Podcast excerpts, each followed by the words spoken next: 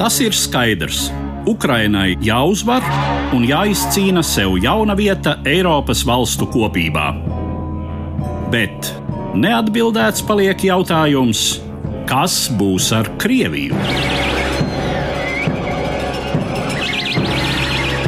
Katra mēneša pēdējā ceturtdienā pēc trījiem es, Eduards Liniņš, uzdošu šo jautājumu Latvijas un ārvalstu ekspertiem.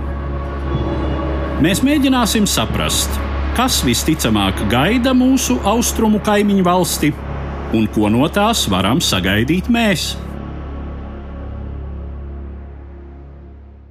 Labdien, cienījamie klausītāji! Vēsturnieks un kultūrologs Aleksandrs Etkins dzimis, izglītojies un akadēmisko karjeru uzsācis Krievijā, toreizējā Ļeņingradā taču nu jau apmēram 20 gadus darbojas pamatā ārpus savas dzimtenes.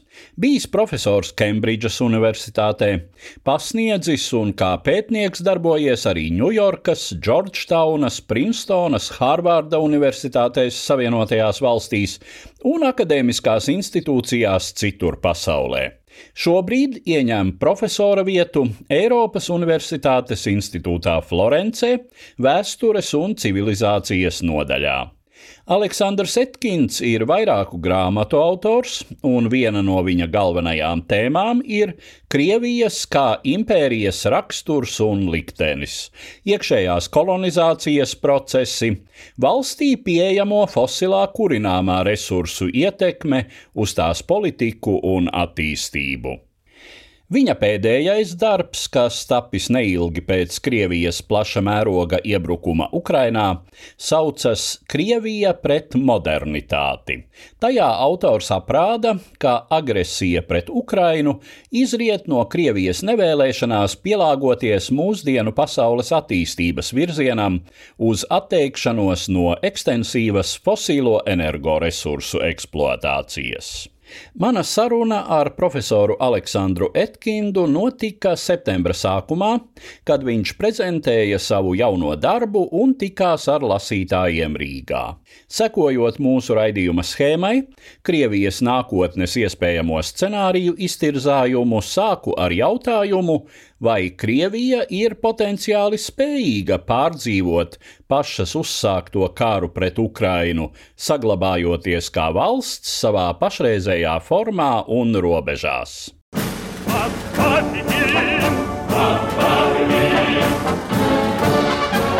Pirmais scenārijs - pa ordas traktu.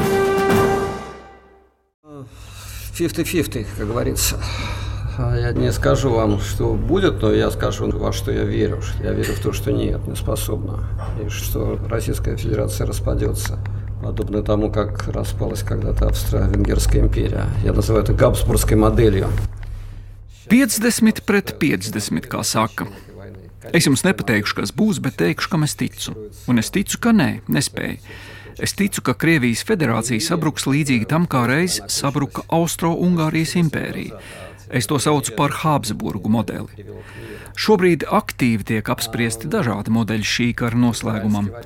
Korejas modelis, kurā viss fiksēsies kādā noteiktā stāvoklī un galu galā beigsies ar pamieru. Korejas karš beidzās pirms 70 gadiem, bet pamieris joprojām nav novedis pie miera. Izraēlas modelis, kad Ukraina būs atkarīga no Amerikas un no citām NATO valstīm, tomēr nebūs NATO dalība valsts. Tā balstīsies divpusējās attiecībās, saņems ieročus un naudu un būs tāds rietumu priekšpostenis. Tomēr pie tam iespējams tai var nākties zaudēt daļu teritorijas. Bet visi šie modeļi vadās no tā, ka Krievijas federācija paliks robežas otrā pusē, kā tāds nemainīgs, naidīgs veidojums. Bet es šobrīd strādāju pie tā, lai nostiprinātu vismaz apziņā vēl vienu modeli, šo Habsburgu modeli. Gluži tāpat kā Krievijas impērijai, kas vēlāk kļuva zināma kā Padomju Savienība, bet tagad ir kļuvusi par Krievijas federāciju, arī Austro-Ungārijas impērijai bija ilga vēsture. Daudz veiksmi, daudz neveiksmi, daudz pakļautu tautu. Taču galu galā tā izraisīja Pirmo pasaules karu. Tādu karu, kuru tā nespēja pārdzīvot un sabruka.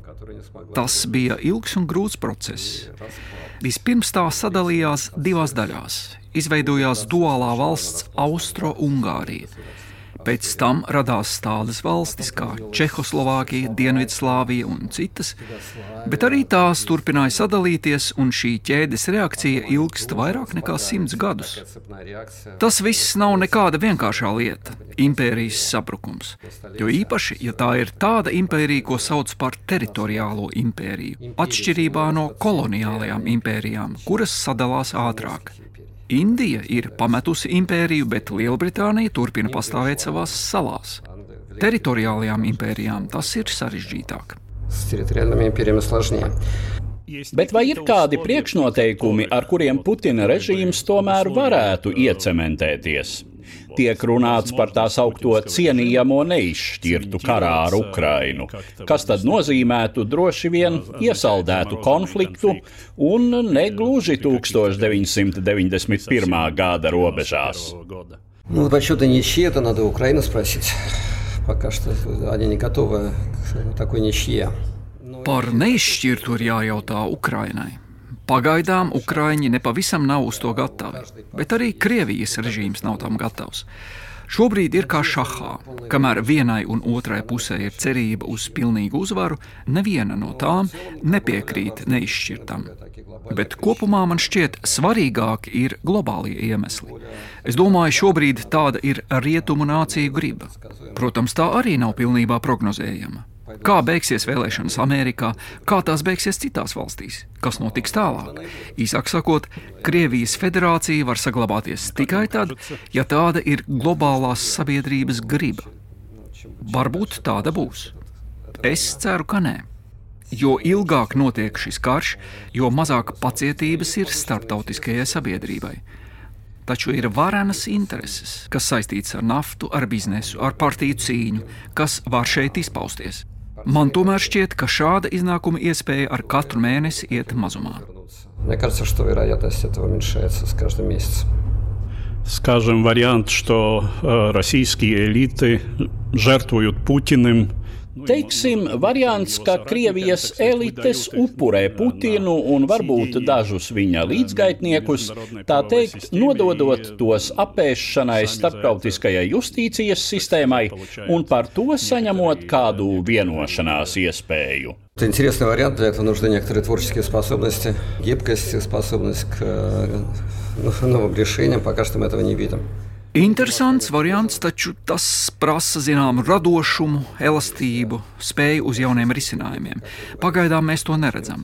Mēs redzējām Prigožina sacelšanos. Un, piemēram, ja kāds no Krievijas elitēm, kā jūs sakāt, uzsāks šāda veida miera sarunas, viņam arī būs jātiek galā pirmkārt ar Krievijas armiju vai ar privātām militārām kompānijām ar milzīgo ieroču daudzumu, kas tagad cirkulē visā Krievijas federācijā.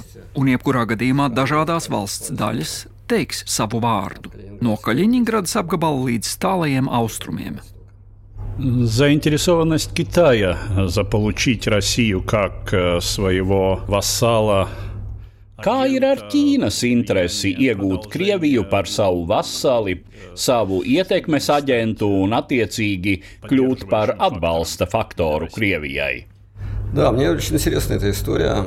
Я думаю, что своей идеей возврата исконных земель и постоянным перемешиванием исторической памяти в разных направлениях кремлевский режим э, создал очень выгодную, ну и вполне новую ситуацию для Китая. Jā, šis stāsts mani ļoti interesē. Manuprāt, Kremļa režīms ar savu ideju par vēsturisko zemju atgūšanu un vēsturiskās atmiņas pastāvīgu iejaukšanu dažādos virzienos ir radījis Ķīnai ļoti izdevīgu un pilnīgi jaunu situāciju. Ja atcerieties, kad Ķīnas prezidents Xi, noslēdzot vizīti Maskavā, atvadījās no prezidenta Putina, viņš izteicās, ka notiek pārmaiņas, kādas nav notikušas simts gadus. Pateica un aizbrauca, novēlējis Putinam visu to labāko. Bet pirms nu jau vairāk nekā 150 gadiem noslēdzās otrais opija karš. Bija patiesi briesmīga britu, franču, bet arī Krievijas imperiālisma izpausme. Krievija it kā šai karā bija neitrāla. Kara mērķis bija piespiest Ķīnu ielaist savā teritorijā Indijā ražoto Britu impērijas opiju dažādu finansiālu, koloniālu un impērisku apsvērumu vārdā. Karš beidzās ar Lielbritānijas un Francijas koalīcijas uzvaru. Neitrālā Krievijas impērija iesaistījās kā starpnieks miera sarunās Pekinā un kā pateicību par šo starpniecību saņēma gigantisku teritoriju, kas sākās gandrīz no paša Baikāla ezera un iet cauri Sibīrijai līdz pat Klusajam okeānam, līdz Amūras grīvai un Vladivostokai. Toreiz to sauc par ārējo Manžūriju. Tagad to droši vien vajadzētu saukt par Dienvidu Sibīriju. Ķīnas teritoriju, kas pēc platības ir lielāka nekā visa Francija. Un Ķīnā mēdz lietot tādu frāzi - simts gadi kauna. Tā ir simt gadi kopš otrā opija kara beigām, 1860. gadā, kad Ķīna bija imperialistisko valstu upuris bet toreiz novilktā Krievijas un Ķīnas robeža, šī aneksija, vēlāk tika daudzkārt apstiprināta dažādos starptautiskos līgumos, apstrīdēta atsevišķās detaļās, bet kopumā nekad nav tikusi apšaubīta. Līdz, manuprāt, tam brīdim, kad Krievijas prezidents sāka nākt klajā ar ideju par starptautiskos līgumos atzīto robežu pārskatīšanu un visu to, kas attiecas uz vēsturisko atmiņu par sev piederīgajām zemēm. Runājot par mūsu otro scenāriju, kas ir jūsu jājam zirdziņš, proti par iespēju, ka Krievija sairs dažādās sastāvdaļās.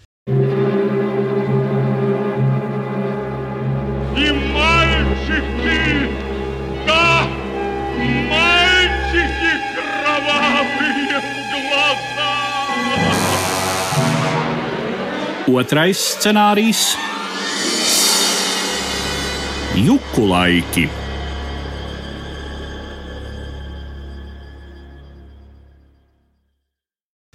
Jūs jau pieminējāt Habsburgu impērijas sabrukumu kā vairāk nekā simts gadus ilgstošu procesu. Tātad jūs redzat iespējamo Krievijas sabrukumu kā Padomju Savienības sabrukuma procesa turpinājumu. Да, примерно так я это вижу. Продолжение, развитие. Jā, apmēram tā es to redzu, kā attīstības turpinājumu. Es domāju, Padomju Savienības sabrukumā un tāpat arī daudzos citos vēsturiskos procesos nebija nekā iepriekš nolemta. No tās varēja izvairīties vai to atlikt, vai to risināt kādā citā veidā. Bija iespējama modernizācija, diversifikācija, federalizācija, laika plakam tika lietot vēl citi skaisti vārdi, teiksim, demokratizācija. Taču tie visi izrādījās tukši vārdi, jo nekas no tā jau netika izdarīts. Tagad mums ir no vienas puses asiņains karš, un no otras puses globāla un kodola kara draudi. Un es domāju, no trešās puses arī ceļš uz federācijas sabrukumu. Я думаю, прямой путь к распаду федерации с третьей стороны. Если посмотреть еще раз на распад Советского Союза, то, конечно, с точки зрения стран Балтии никакой отсрочки там быть не могло. Ja mēs palūkosimies vēlreiz uz Padomju Savienības sabrukumu, tad, protams, no Baltijas valstu viedokļa nekāda tā atlikšana nevarēja notikt. Vismaz tādā nozīmē, ka de jure šīs valstis turpināja pastāvēt visu aneksijas laiku, un attiecīgi līdz ar Padomju Savienības sabrukumu notika neatkarības atjaunošana de facto. Jebkāds cits variants vienkārši nešķita iespējams mūsu pilsoņu kopienai un protams, visiem tā laika mūsu politikas virzītāju spēkiem. Bet jāpiekrīt, ka visās pārējās bijušajās padomju republikās tas tā nebija. Un te mēs redzam to, teiksim, monētas otro pusi, kā galvenokārt pašreizējās Krievijas federācijas federālajos subjektos mēs nesaskatām tik izteiktu valstisko apziņu, kāda toreiz bija Baltijas valstīs, arī aizkaukās republikās. Izņēmums šobrīd varētu būt tikai Ziemeļkaukās un Tatarstāna. Две чеченские войны и нынешнее очень особенное положение Чечни в структуре российской государственности. А сколько человеческих жизней, сколько миллиардов долларов все это стоило. Divi Čečenijas kari un pašreizējais ļoti īpašais Čečenijas stāvoklis Krievijas valstiskuma struktūrā un cik cilvēku dzīvību, cik miljardus dolāru tas viss izmaksāja un cik daudz ļaunuma tika nodarīts šajā procesā. Es domāju, ka šodienas politikā etnosam, etniskumam nav tādas lomas, kāda tiem bija 1991. gadā. Ukrainas konflikts nav etnisks konflikts. Valodas un nacionālās identitātes problēmas tur dabiski pastāv un spēlē savu lomu, taču tās nekādā gadījumā nav primārās. Ukrainas armija cenšas samazināt krievu valodas lietošanu komandu personāla vidū un atskaitās par saviem sasniegumiem, taču joprojām apmēram 20% sarunu vai komandu ikdienā izskan krieviski, jo tāda ir kara nepieciešamība. Tas nenozīmē, ka etniskums nav svarīgs. Tas ir supersvarīgs gan Ukrainai, gan Latvijai, gan Tatārstānai, gan Hantumānsu autonomijai, kurā šo pamattautību iedzīvotāju daudzums ir mazs. Taču pasaules praksē ir dažādas juridiskās normas. Gandrīz visu ANO dalību valstu konstitūcijās ir tāds punkts, ka zemes dzīves pieder tautai. Bet kādai īsti tautai? Vai impērijas tautai? Vai arī tai tautai, kas dzīvo teritorijā, kurā šīs zemes dzīves atrodas. Mūsdienu praksi arvien biežāk to interpretē tā, ka zemes dzīves pieder tieši vietējai tautai, teritorijas pamatiedzīvotājiem. Tai tautai, kas gadu desmitiem un simtiem bijusi pakļauta impēriskajai varmācībai. Paskatīsimies, cik ātri un cik dziļi šīs visnotaļ modernās idejas iespiedīsies pamattautu apziņā visā šīs valsts platībā, no rietumiem līdz austrumiem, no ziemeļiem līdz dienvidiem. От запада до востока, от севера до юга. Respektīvi, bez nacionālās identitātes, kas ir tāda vispār pieņemta suverēnā valstiskuma formula, var būt arī citi faktori, citi motīvi. Teiksim, kāds lokāli teritoriāls patriotisms vai vienkārši izpratne, ka no tīri ekonomiskā un sociālā viedokļa šī suverenizācija nāks par labu. Эти мотивы являются политическими, прежде всего, они являются экономическими. В отношении Российской Федерации Attiecībā uz Krievijas federāciju tie ir pirmkārt politiski, arī ekonomiski motīvi, ko nosaka tajā valdošā galējā nevienlīdzība.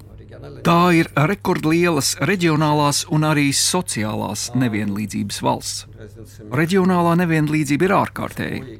Atšķirība starp Maskavu un citiem Krievijas reģioniem ir daudz lielāka nekā atšķirība starp bagātāko ASV štātu Kaliforniju un nabadzīgākajiem štatiem vai starp teiksim, bagātākajām un nabadzīgākajām Vācijas federālajām zemēm.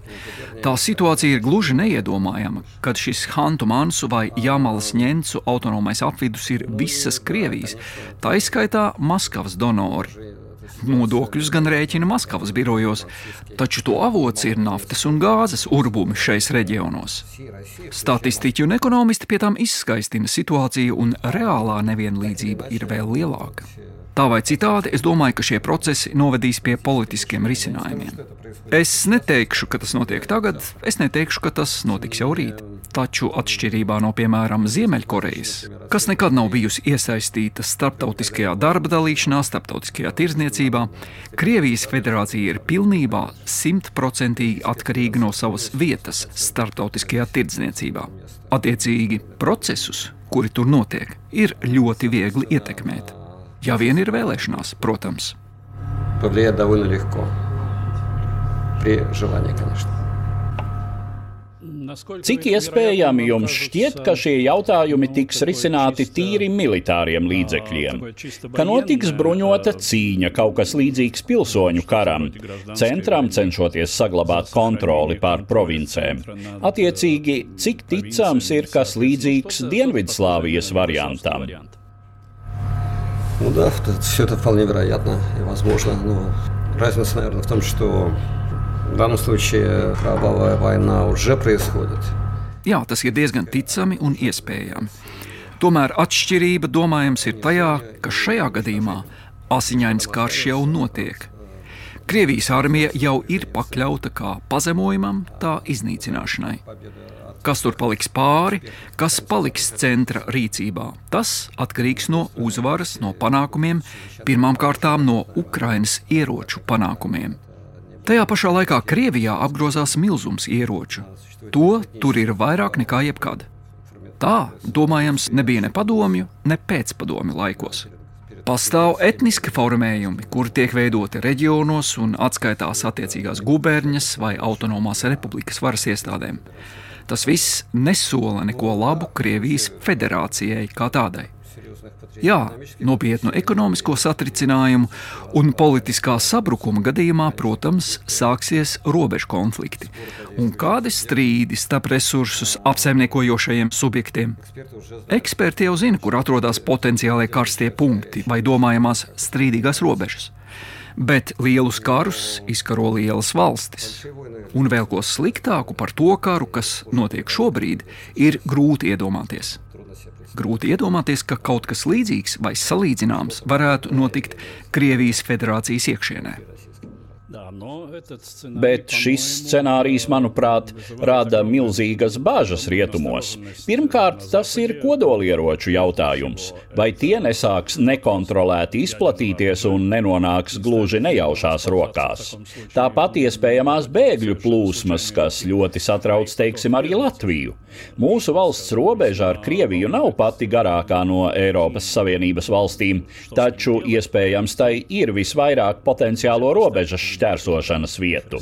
Iedomājieties, ja pie šīs robežas parādās izmisušu, izsalkušu cilvēku masas, kas bēg no šī kara.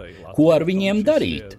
Kur mums viņus likt? Es tā domāju, ka rietumi un NATO un pat Latvija tā skaitā noteiktos apstākļos varētu pielikt pūles, lai Krievija tomēr noturētos kaut kādos rāmjos. Возможно, так оно и будет. И я называю это непрямым правлением. Varbūt tā arī būs. Kas attiecas uz bēgļiem, es neparedzu, ka karstie punkti radīsies Latvijas robežas tūmā. Drīzāk tie būs gluži citās vietās. Un jūs jau nu pat uzņēmāt lielu bēgļu plūsmu. Vai nākamā plūsma būs lielāka vai mazāka, to mēs nezinām. Latvija jau vispār zaudē iedzīvotājus ļoti lielos apjomos. Nesen tika publicēta Eiropas karte, kurā ir norādīti iedzīvotāju skaita zaudējumi pēc 1991. gada, un, diemžēl, Latvija šajā kartē ieņem otro vietu aiz Ukrainas. Jā, tā tas ir. Taču jāņem vērā, ka tieši krievu valodīgu iedzīvotāju iespējama ieplūšana šeit ir kā ļauns murgs lielākās daļas latviešu nācijas uztverē. Jā, to es neapstrīdēšu. Taču no globālās politikas viedokļa tas nav pats svarīgākais faktors. Существует ли возможность розового сценария? Ну, то есть вариант, что Россия имеет потенциал демократизации Vai ir iespējams tā sacīt rožainais scenārijs? Variants, ka Krievija ar laiku varētu kļūt par kaut ko līdzīgu Vācijai, par patiesi federālu un pilnīgi demokrātisku, ar visām brīvībām apveltītu republiku.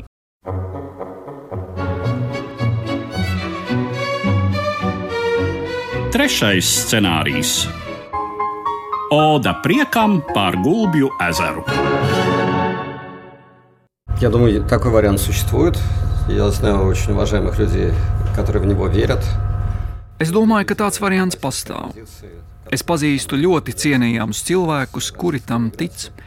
Daudzi Krievijas opozīcijas līderi, kas lielākoties tagad ir arī Krievu emigrācijas līderi, tam tic un cer, ka tas ir iespējams. Vēsture tomēr saka, ka tas ir, teiksim tā, maz ticams.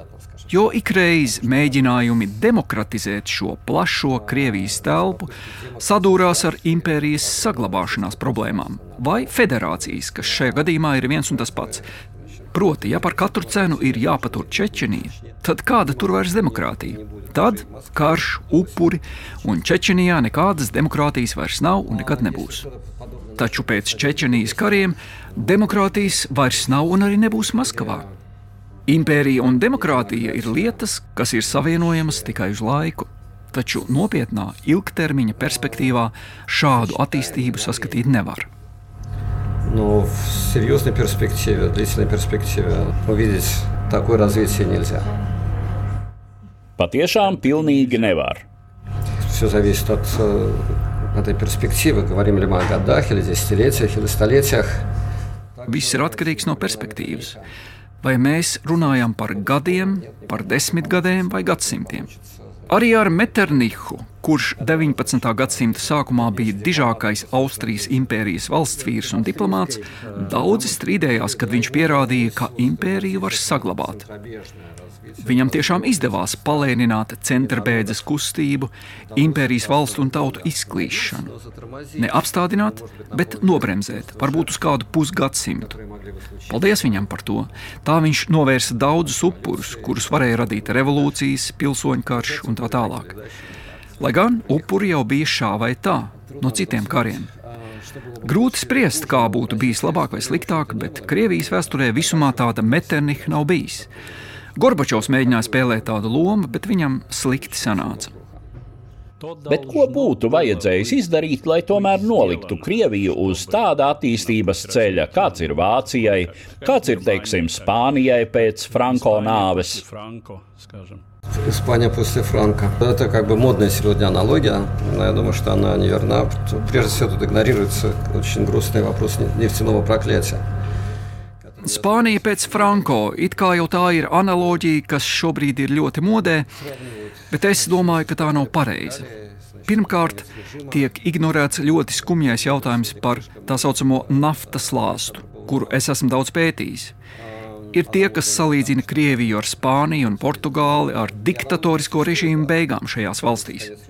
Šobrīd visai modē ir mana drauga Aleksandra Bubnova grāmata.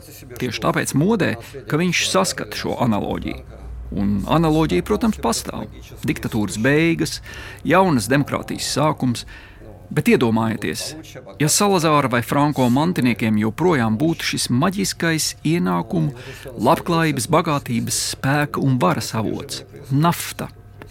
Jo, ja šis maģiskais avots paliek, tad nekādas režīma beigas neiestājas.